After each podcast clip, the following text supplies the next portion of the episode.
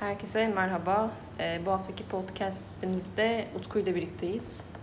Ee, ben Esen, yeniden tanıtayım kendimi. Geçen hafta e, şöyle güzel bir konuyla giriş yapmıştık Çernobil üzerinden. Şimdi de festivalleri tartışacağız. Ee, aslında spesifik birkaç tane festival üzerinden gideceğiz ama genel olarak bir çerçevede çekeceğiz. Bu hafta Güvenç yok çünkü kendisi e, kızgın kumlardan serin suları atlıyor. Biz de onu kıskanıp madem festival havası e, şeyi nasıl olur, genel nasıl konuşuruz, sinema severlerin e, şeyi nedir, bu en çok sevdiği festivaller üzerinden neler konuşabiliriz diye Utku'yla tartışacağız. Ben aslında biraz daha Utku'ya bir şeyler soracağım. E, çünkü merak ettiğim soruların cevapları Utku'da var.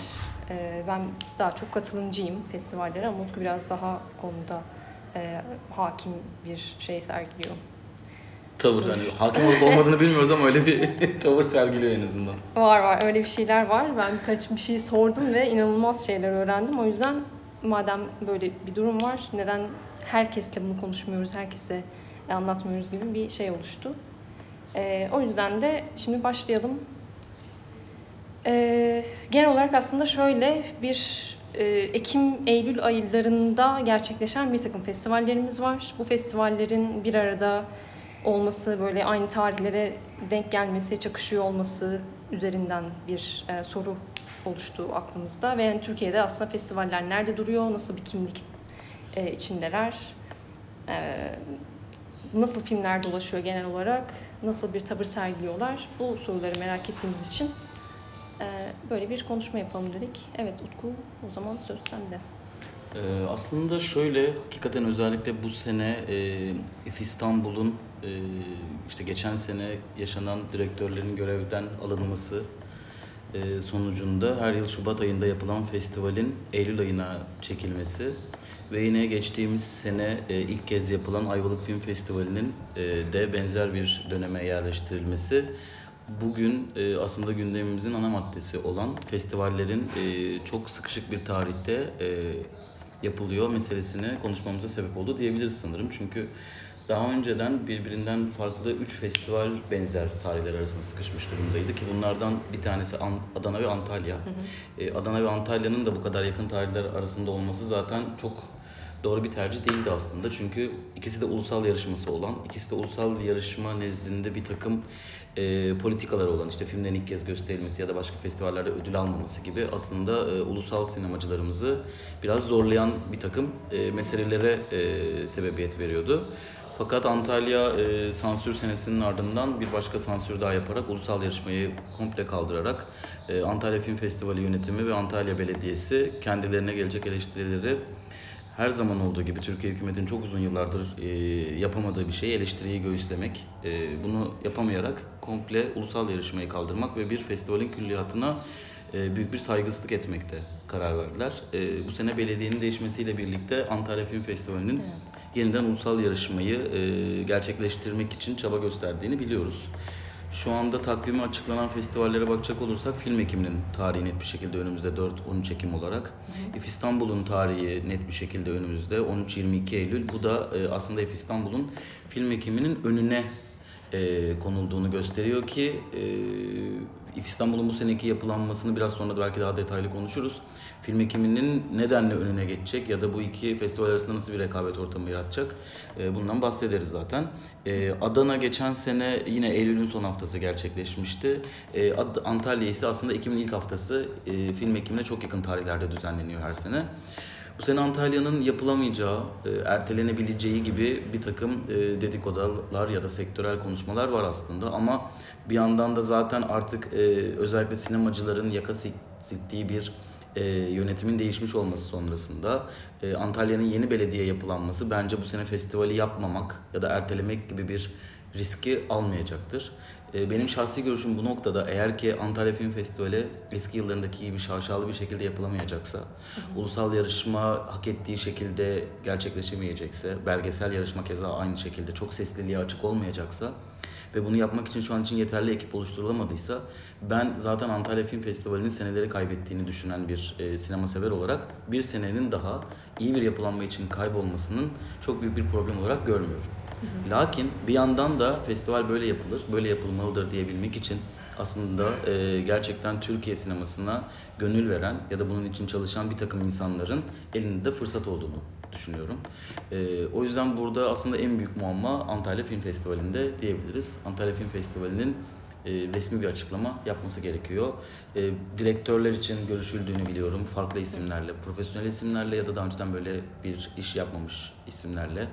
Bir takım yönetmenlerin özellikle ulusal yarışmayı yapan e, Kaan Müjdeci ve onunla beraber aslında ona omuz olan Onur Ünlü'nün de bu konuyla ilgili e, görüşmeler yaptığını, bu görüşmelerin aslında çok da e, official bir görüşmeler olmadığını ama konuyla ilgili fikir ürettiklerini biliyorum.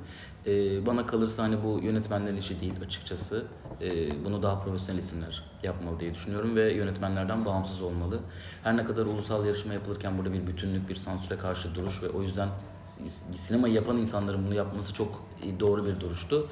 Ama bir yandan da bunun aslında herkese aynı mesafede olan ve e, bir takım yönetmenleri değil, Türkiye sinemasını ileri götürmeye yönelik bir anlayış içerisinde olması gereken bir festivalinde aslında bir takım yönetmenlerin değil, komple bütün sektörün üzerine düşünmesi gereken bir e, yapılanma içerisinde olması gerektiğini düşünüyorum. Son olarak festivallerden kısa kısa bahsederken hemen Ayvalık ve Adana'ya da çok kısa değineyim. E, Adana Film Festivali de biliyorsunuz yine Adana'da da bir belediye değişikliği oldu. E, açıkçası zaten e, en büyük problem buradan kaynaklanıyor. Bugün bu konuları konuşuyor olmamızın sebebinden bir tanesi de belediyelerin değişiminden sonra festival yapılarının değişiyor olması. E, bu belediyelerin yaptığı festivallerden zaten bir şekilde kurtulmamız gerekiyor. Hı hı. Belediyelerin yaptığı festivaller evet belediyelerin festivallere destek vermesi doğrudur. Ancak belediyelerin festivali olması her zaman yanlıştır. Bu hangi belediyede olursa olsun. Çünkü etraflarında e, manevi hırs ve maddi hırslarla dolu çok fazla insan oluyor. Bir şekilde herkes kendi çıkarlarını düşünüyor. Bu da e, hem belediyelere hem de festivali düzenleyenlere zarar veriyor diye düşünüyorum. En büyük zarar da tabii ki sinema severler görüyor. Her defasında farklı bir değişim. Ama Adana Film Festivali ile ilgili şöyle bir duyumum var. Söylemekte sakınca yok sanırım. E, yıllarca bu festivali yapan, özellikle e, ulusal bölümü yapan ekibin geri dönmek üzere olduğuna dair bir duyum aldım ki şimdi isim vermek çok doğru değil resmi olmadan ama benim çok güvendiğim, çok beğendiğim, çok sevdiğim bir ekip. E, onlarla beraber tekrardan e, Adana Film Festivali'de daha iyi bir noktada olacaktır diye düşünüyorum. Çünkü e, geçtiğimiz senelerde de festivalde çok büyük aksaklıklar oluyordu aslında yönetim açısından. E, onun dışında uluslararası seçkisini Kerem Akça yapıyordu birkaç senedir. Bu sene de filmler için görüşmeler yaptığını biliyorum. Ancak e, bu festivaldeki değişim Kerem Akça'nın göreviyle ilgili nasıl bir e, değişiklik getirecek onu henüz e, bilmiyorum. Son olarak da yine bu e, takvime eklenen ve geçtiğimiz yıl aslında e, ortaya kattığı vizyonla beni şaşırtan ve bu anlamda beğeni e, toplayan Ayvalık Film Festivali'nden bahsedebiliriz. Örneğin Ayvalık Film Festivali bir belediye festivali değil. E, bu sene belediyeden destek alacaklarını umuyor festival ekibi de. E, festivalin başında, ya zaten festivali düzenleyen başka sinema gibi Türkiye'de bağımsız sinemayı bir şekilde destek veren, çok ciddi bir kar amacı gütmeyen bir e, marka var. E, festivalin başında ise yıllarca İstanbul Film Festivali'nin direktörlüğünü yapmış Azize Tan var. Yani orada işler aslında bir vizyonla ve bir profesyonellikle yürüyor. E, oranın ödüllerini, oranın nasıl yaptığını da yine festivalleri spesifik olarak değerlendirirken konuşabiliriz ama en azından bu takvim içerisinde e, en farklı konumlanmaya çalışan ve bir belediyeyi değil de aslında bir şehri böyle tırnak içerisinde kan gibi tamamen Ayvalık'la festivali özdeşleştirecek bir vizyon ortaya sunan Ayvalık Film Festivali'ni e, takdir ettiğimi söyleyebilirim. E, aslında az önce işte bu festivale sahip çıkan yönetmenlerden de bahsetmiştik bir yandan. işte ulusal yarışmayı hani başkaları yapmayınca, işte profesyonel eller devreye girmeyince o sinemaya sahip çıkma güdüsüyle işte Kaan Müjdeci'nin, Onur Ünlü gibi yönetmenlerin de devreye girdiğinden bahsettin.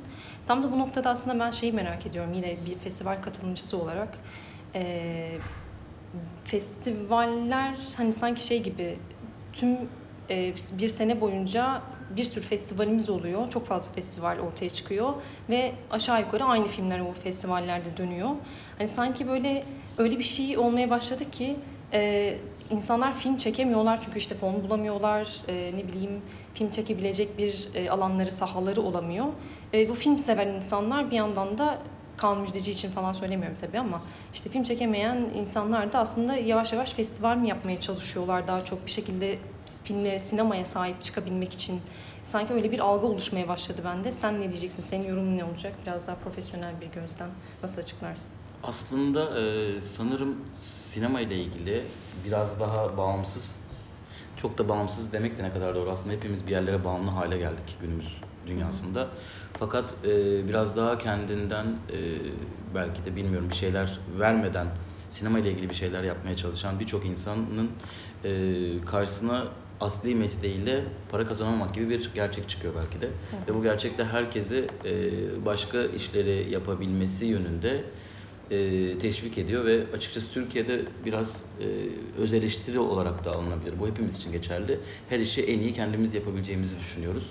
Ve böylelikle de e, herkes her işi yapabilmek gibi bir kaygı güdüyor diye düşünüyorum.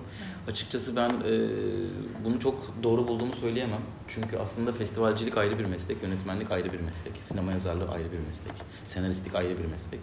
O yüzden e, herkesin kendi işiyle ilgilenmesi daha ortaya e, ciddi ve daha net tartışmalar sunabilen bir sektör yaratacaktır. Her ne kadar Türkiye'de özellikle bağımsız film tarafından bir sektörden bahsetmek çok fazla mümkün olmasa da e, en azından böyle olması gerektiğini düşünüyorum ben. Okey. Ee, peki o zaman biraz daha bu işte if meselesi üzerine yoğunlaşarak bu festivallerin çakışması sence nasıl bir dalgalanmaya yol açacak? Ee, normal şartlarda işte biz ayrı ayrı zamanlarda hep şeydir. İşte Adana'da yaşayan biri İstanbul'a gelir İstanbul Film Festivali'nde seçkiye bir şekilde e, katılmaya çalışır. Sonra işte Adana, Antalya'nın farklı bir tarihi vardır. Oraya da gidilir, orada da filmlere katılır ama şu an elimizde öyle bir takvim var ki 2019 için hani neredeyse aynı günler içerisinde e, filmler gösterilecek, bitecek. Yani bir hafta içerisinde, 10 gün içerisinde her şey toparlanıp kapatılacak gibi. Hani aynı anda Adana'da e, ve şeyde olabilmek neredeyse mümkün olmuyor gibi. E, İstanbul Film Festivali'nde ya da şey, film ekiminde ya da İstanbul'da gibi öyle bir takvim çıkıyor ortaya. Bu nasıl bir sonuç doğuracak senin için? E, bana biraz şey geliyor, e, sanki rekabet var gibi bir yandan ama bir yandan da acaba rekabet değil böyle bir şey mi yaratılmaya çalışılıyor hani bir ortam mı yaratılmaya çalışılıyor nasıl değerlendirirsin? Aslında şöyle bir klişe bir söz var ya İstanbul'a kar yağdığında ülkeye kış gelmiş kabul edilir diye. Oysa ülkenin güneydoğunda çoktan kar yağmaya başlamıştır gibi. Bu e, gezide de biz bunu çok yaşadık. Yıllarca Güneydoğu'da e, empati yapamadığımız insanların e, devlet terörüyle neler yaşadığını bilemeden burada bizim başımıza gelince bunun ne kadar büyük bir olay olduğunu fark edip e, havuz medyası hariç her yerde bunun ne kadar yüksek sesle konuşulduğunu gördük. Ee, İstanbul açısından baktığımızda bu sene festivallerin biraz işte İstanbul'un buraya kaymasıyla da sanki bunu biraz gündeme taşıdık gibi bir durum oluşuyor aslında. Hı hı. Ama bir yandan da kabul etmek gerekiyor ki Türkiye'nin lokomotif şehri aslında kültür sanat açısından da İstanbul gibi gözüküyor en azından günümüz açısından evet. baktığımızda. Ee, bu konuda şunu değerlendirecek olursak e, aslında bir de atladığımız bir festival daha var. Yani bunu atlamak denemez çünkü bu tarihe sıkışmamış ama çok kısa bir tarih sonrasında. Ee, Boğaziçi Film Festivali var. Hı. Üstelik Boğaziçi Film Festivali burada bahsettiğimiz tüm festivallerden çok daha büyük bütçesi olan, çok daha ciddi yatırımlar alan, çok daha ciddi destekçileri olan bir festival konumunda bulunuyor. Ee, şimdi Boğaziçi Film Festivali'nde aldığımız zaman ki Boğaziçi Film Festivali ile ilk çıktığı günden bu yana biraz da politik bir noktadan bakacak olduğumuzda İKSV'yi ve İstanbul Film Festivali'nin önüne geçmek gibi bir e, amacısı, amacı, gayesi olan bir E, ve kendi sinemacılarını kendi çıkarmak, e, kendi sinemacılarına destek vermek, e, biraz da olsun seyircisini kendine çekebilmek gibi bir e, planı olduğu konuşulan, dilden dile söylenen bir festival. Hı hı. Ee, bu noktadan baktığımızda şimdi en başa If İstanbul geldi. If İstanbul bunlardan aslında takvim nezdinde baktığımızda en son ama yıl nezdinde baktığımızda aslında ilk festivaldi. Şimdi e, bu festivallerin hemen önüne geçti. Burada önemli olan konu şu. If İstanbul e, Film Festivali'nin yaratıcıları Serra Cili ve Pelin Turgut'tan e, yola çıkarak e, festivalin e, küratörü arkadaşlarımız, festivalin ekibindeki arkadaşlarımız e, bir farklılık yaratmaya çalıştılar. Bu farklılık şuydu. İstanbul dediğimiz zaman e, önceki yıllarda yani bütçesinin daha düşük olduğu yıllarda e, işte biraz daha Sundance'ten bir şeyler görebildiğimiz, biraz daha tırnak içerisinde Torrent'ten dahi bulamayacağımız filmleri gündüz seanslarında görebileceğimiz, e, biraz daha küratör seçkisi olan Yani böyle Cannes'da, Berlin'de en öne çıkan filmler değil de biraz daha böyle diğer e, bölümlerde arka planda kalmış ama sene boyunca konuşulabilecek ve sinefillerin oradan bir madenden altın çıkarabilecekleri filmleri görüyorduk. E, şimdi bu takvim değişikliğinden ziyade bu ekip değişikliği. If İstanbul yaptığı sosyal medya paylaşımlarında ve yaptıkları mailinglerde aynı ruhu devam ettireceklerini söyleseler de e, aynı ruhun devam etme ihtimalini ben çok e, şey göremiyorum, çok kuvvetli göremiyorum. Hı hı. Açıkçası bu konuda söylediğim zaman işte örneğin e, bunu Film Lovers'daki haberimizde de görmüştüm. E, Arya Sual Toklar ismi bizim Film Lovers'ın e, sponsorluk işbirliği yaptığı Kısa Kes Film Festivali'nin direktörü ve kurucusu ve benim de çok hı hı. aslında takdir ettiğim bir insan. Lakin Arya başka bir insan, Serra başka bir insan, If İstanbul başka bir festival. O yüzden If İstanbul'la ilgili aslında temel mesele, evet e, Serra Cili ve Pelin Turgut'a yapılan artık bunu tekrar tekrar söylemeye gerek olduğunu düşünmüyorum. Çünkü birçok yerde bunu dile getirdik. Hı hı. E, çok büyük bir haksızlık var burada. Yasal olarak bir haksızlık olmasa bile, evet yasalar e, Mars grubunun yanında. Yasalar yıllar içerisinde Serra ve Pelin'in yasal haklarını korumamaları sebebiyle büyük hatalar yaptığını bize gösteriyor. Ama bir taraftan baktığımızda da çok büyük bir haksızlığa uğradıklarını görmezden gelemeyiz diye düşünüyorum bu iki ismin. Ee, bu doğrultuda yani komple bir İF İstanbul'un röntgenini çekecek olduğumuzda hı hı. tüm bu durumlar içerisinde eğer ki İF İstanbul ruhu korumaya korunmaya çalışılırsa bu yapay bir şey olacaktır. İF İstanbul yeni bir festival olarak yapılmaya çalışırsa o zaman film ekiminden nasıl bir fark olacak onu bilemiyoruz. Ee, yarışma olacak dendi e, artık İstanbul Film Festivali gibi e, işte İstanbul Festivali'ndeki köprü olduğu gibi IFIX olacak ve yönetmenlere fon sağlanacak, destek verilecek gibi bir takım açıklamalar Hatta var. Hatta ilk kez yapılacak böyle bir şey gibi. Türkiye'de ilk kez yapılacak gibi yanlış da bir evet. söylem var aslında ortada. E, ama bu, bu Türkiye'de çok alışık olduğumuz bir durum. Sen şimdi hani Film Lovers'ta biraz daha bu bültenlere yeni yeni aşina olacağın için göreceksin. Türkiye'deki ilk şu korku filmi, Türkiye'deki ilk şu dram filmi diye aslında yüzlerce olan. Evet. Bu biraz galiba bülten yazanların işgüzarlığı alakalı bir durum olduğunu düşünüyorum ben. E, sonuç olarak e, İstanbul'un ben aynı ruhu koruyabileceğini düşünmüyorum. Aynı ruhun korumasına ihtiyaç var mıydı? Bence mutlaka vardı. Ama aynı ruh, aynı kültür, aynı ekiple ya da o ekibin vizyonuyla olabilecek. Bu şekilde görevlerinden alınıp bambaşka insanları getirip o ekipten yani şöyle düşünelim ki ben e, bir şey yapıyorum ve o şeyi e, ben kurdum ve ben sana bunu devredeceğim. Ama ben sana bunu devretmiyorum ben komple buradan gönderiliyorum ve X bir kişi geliyor. Aslında benim ne yaptığıma dair çok bir fikri olmayan, bu ülkede dahi yaşamayan biri geliyor ve sana diyor ki Utku bunu bunu yapıyordu, senden bunu devam ettirmeni istiyoruz. Hı hı. Bu organik bir değişim süreci de değil. O yüzden if yeni bir şey olacak. Ee, nasıl bir şey olacağını hep beraber göreceğiz. Ee, ekibin başındaki Arya'nın dediğim gibi organizasyon açısından özellikle e, yeteneği olduğunu, insan ilişkileri açısından yeteneği olduğunu düşünüyorum. Ama e, ekibin kalanına baktığımda özellikle bir seçki için biraz şu an hafif olabileceğini düşünüyorum. Ama e, bu demek değildir ki olamaz ya da olmayacak. Bunu hep beraber zaman içerisinde göreceğiz. O yüzden İF'le ilgili e, eleştirilerimizi çokça yaptık. E, bu eleştirilerimizin de hala arkasındayız. Olmaması gereken şeyler yaşandı. Bugün itibaren yeni bir festival olacak. Kişisel olarak ben bu festivali takip edecek miyim? Açıkçası hani biraz bunu söyleyecek olsam ben takip etmeyeceğim. Çünkü içim buna hayır vermiyor. Hı hı. Ee, ama takip edildiğinde sinefillere bir şey sunabilecek bir festival olma potansiyeli var mı? Neden olmasın? Bir de İstanbul'un çok e, geniş bir şeyi vardı aslında. Bir açığı kapatıyordu. Çünkü gerçekten az önce bahsettiğin şeyler üzerinden belki biraz festivallerin kimlikleri ve e, içerikleri üzerinden de konuşabiliriz diye bu soruyu soracağım. Evet İstanbul bir şey yapıyordu da diğer festivallerden ayrı bir yerdeydi bizim için. Çok daha farklı bir seçkisi oluyordu e, etkinlikleri de daha farklı oluyordu diğer festivallere göre de.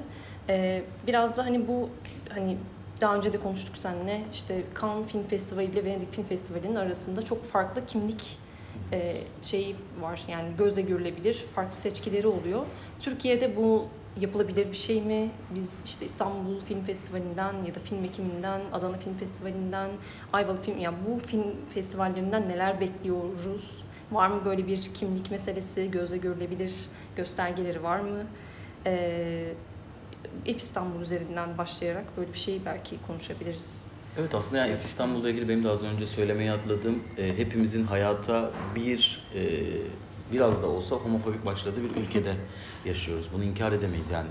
Özellikle bizim jenerasyonumuz, umuyorum ki bizden sonraki jenerasyon daha bu konuda bilinçli olarak hayata başlayacak. Ama bizim jenerasyonumuz e, yetiştir, yetiştiğimiz ortamlar, okuduğumuz okulların içerisindeki çoğunluk sebebiyle homofobik başlanan bir ülkede bu homofobiyi yıkabilecek e, ve bunu kültür sanatla birleştirebilecek bir oluşumdu aslında İF İstanbul. E, İF İstanbul sadece bir festival değil de insanların içinde bulunmak istediği bir komüniteydi aynı zamanda bence. Partilerine gitme sebepleri insanların benzer şekildeydi. Filmlerine gitme sebebi benzer şekildeydi. O komüniteyi Türkiye'de kurabilen e, yegane oluşum aslında İF İstanbul'du. Bence İF İstanbul'u kıymetli kılan e, sebeplerden bir tanesi de buydu. O yüzden de az önce söylediğim farklılık, o yüzden bu seneki olamayacak e, tematik anlayış biraz bundan kaynaklanıyor. İF İstanbul sadece bir film festivali olmamasından. E, diğer taraftan sorduğun soru aslında çok e, ciddi bir problem gibi geliyor bana. Çünkü mesela biraz önce şeyden bahsettik. Adana'daki film seyircisinin film ekimine gelmesi ya da Hı. Antalya'daki film seyircisinin e, başka bir festivale geçmesi gibi. Türkiye'de aynı filmler dönüyor. Çünkü e, ithalatçıların aldığı filmler belli, Türkiye'deki kur paritesi belli. E, küratörlük maalesef yok denilebilecek kadar az. E, işte böyle bir durum olduğu zaman genelde belirli filmler üzerinden e, ilerleniyor ve bu konuda da biraz film ekiminin sanki öncülük ettiğini söyleyebiliriz. E, özellikle festivalleri takip etmeleri, o festivallerden ilk açıklamaları ve onun üzerine diğer festivallerinde bir film anlayışı. Çünkü film ekimi bir filmi açıkladığı zaman açıkçası o filmin nedenle etkileşim aldığını, nedenle hype olabildiğini biraz görebiliyoruz. Onun üzerine diğer festivallerde de zaten benzer filmler dönüyor. Film ekimi biraz daha seyirci festivali. Ne basın festivali ne de sektörel bir festival. Çünkü böyle bir e, yarışması yok ya da basına ayrılan ya da yönetmenlere ayrılan ya da belirli tematik etkinlikleri olan bir festival değil film ekimi. Film ekimi sadece seyirci festivali. O yüzden de Türkiye'den herhangi bir sanırım geçen sene ya da ondan önceki sene Can Evren'in House, Housewife olmuş. Yani böyle tematik bir film dışında çok fazla Türkiye sinemasına da yer vermeyen bir festival. Genelde işte Cannes'dan özellikle merak edilen ya da işte Berlin'de olup da İstanbul Film Festivali'nde olmayan falan filmlerin toparlandığı bir festival oluyor daha çok. Ee, şimdi bu açıdan baktığımızda da film ekimini biraz daha ayrı tutabiliriz sanırım. Ama diğer taraftan baktığımızda İstanbul Film Festivali de dahil olmak üzere, Adana'da dahil olmak üzere, Antalya'da dahil olmak üzere şimdi yeni gelecekte. Ee, genelde aynı yerli filmlerin yarıştığını görüyoruz. Ee, üretim çok az, çok az sayıda film var. 10-15 tane film bütün festivallerde dönüyor. Ve senin az önce bahsettiğin işte Venedik'teki ayrımla, Cannes'daki ayrımla, Toronto'daki ayrımla, Sundance'daki ayrımla ya da dünyanın diğer şu an adını zikretmediğimiz festivalleriyle bizim festivallerimiz arasındaki tematik fark nedir? Ben böyle bir fark baktığım zaman bulamıyorum.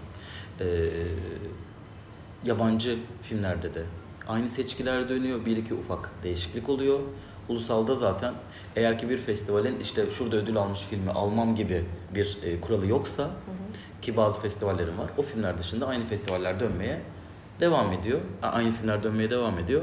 O yüzden de bu festivaller aslında yıl içerisinde tek bir festival kimliğiyle Türkiye'de yeni bir kimlik yaratılmadan devam ediyor diye düşünüyorum. Buna son eklenen Boğaziçi de bu Evet. arada dahil olmak üzere aynı şekilde geçerli. Evet. Ee, Okey yani genel olarak bir çerçeve çektiğimizi düşünüyorum ama benim bir de böyle kişisel olarak artık böyle dönüşmekte olan sinema ile ilgili de e, soracağım ve aslında senin fikrini merak ettiğim bir şey daha var.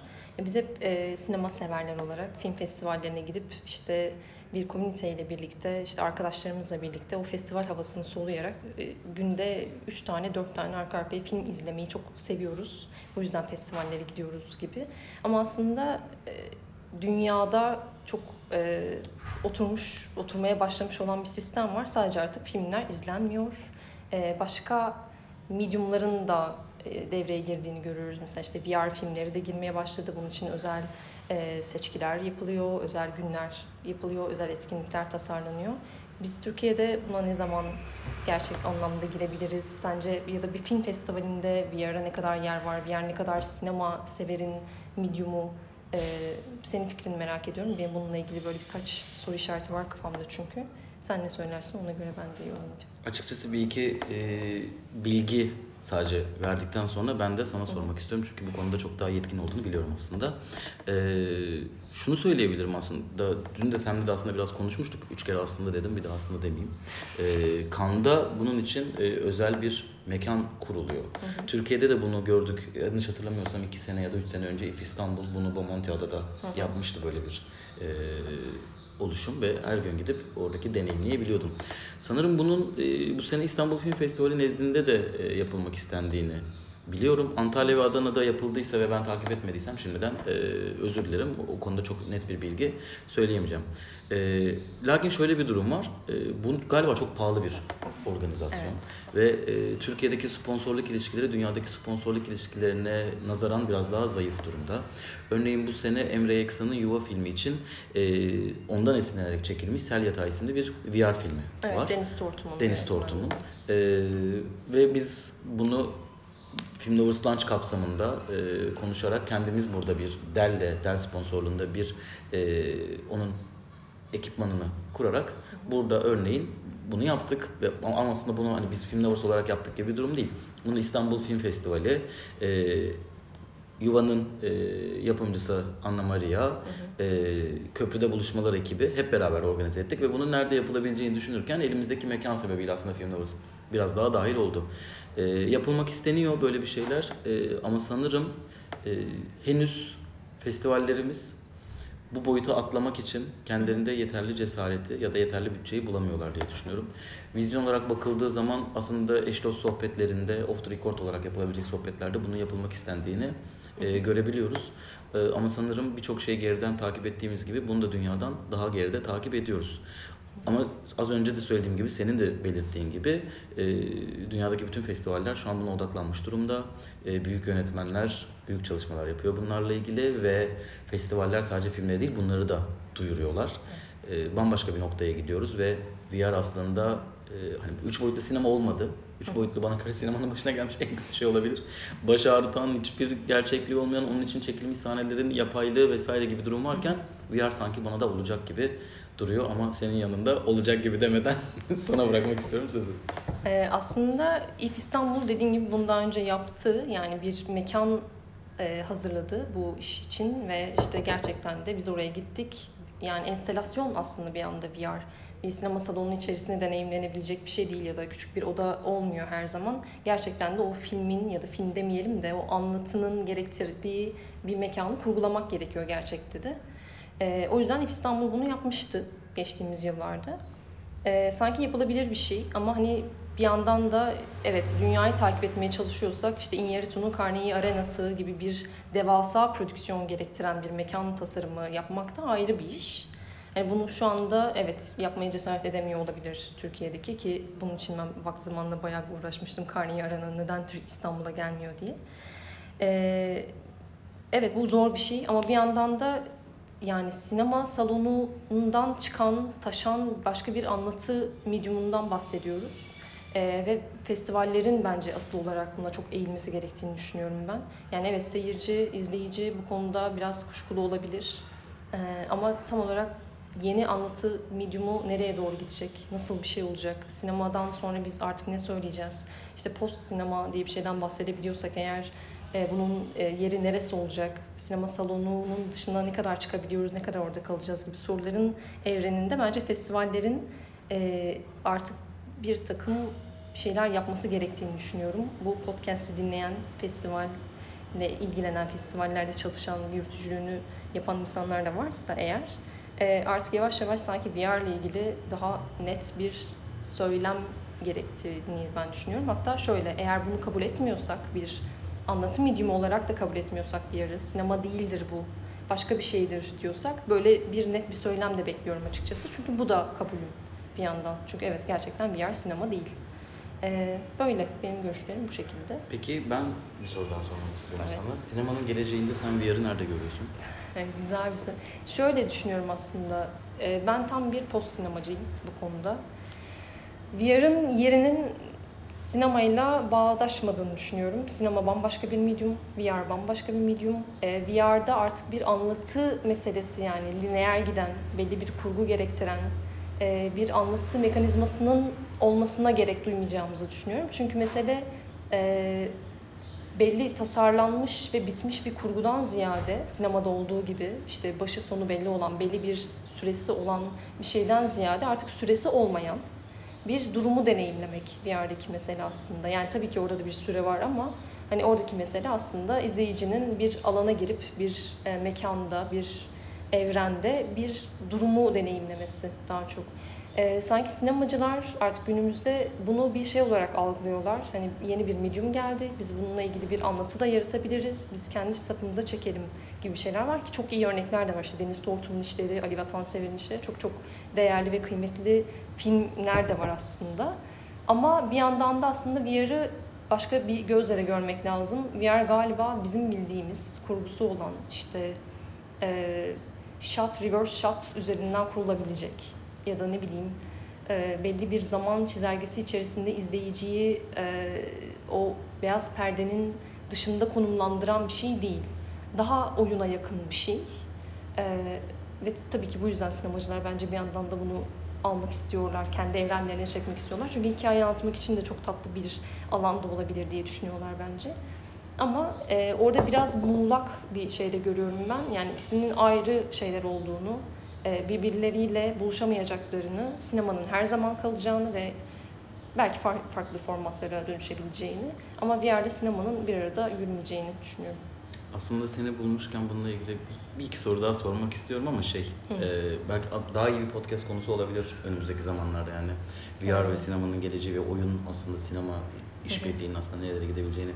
Ya bu çünkü Netflix'in Bandersnatch'inden sonra konuştuğumuz da bir mesele de var. Hı hı. E, oyunun, oyunun senaryolarının artık oyun hikayelerinin ve gerçekçiliğinin sinemaya geçtiği bir noktada e, hala sinemanın e, bir yandan eğlence tamamen bir eğlence aracı görülerek bir şekilde Netflix'in Bandersnatch'te yaptığı gibi oyun mantığını oturtup aslında biraz ucuzlaştırılması da beni biraz rahatsız eden bir konu.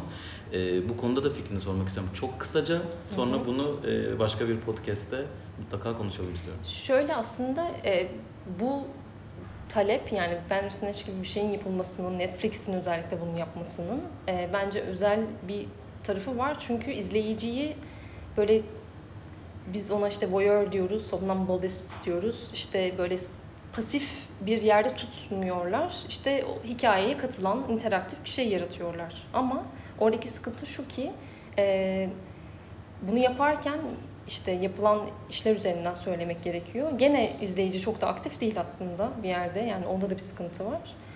Ee, Hikayesi aslında çok sınırlı. yani hikaye çok sınırlı ve hani aslında başka bir şey tasarlanıyor gibi orada.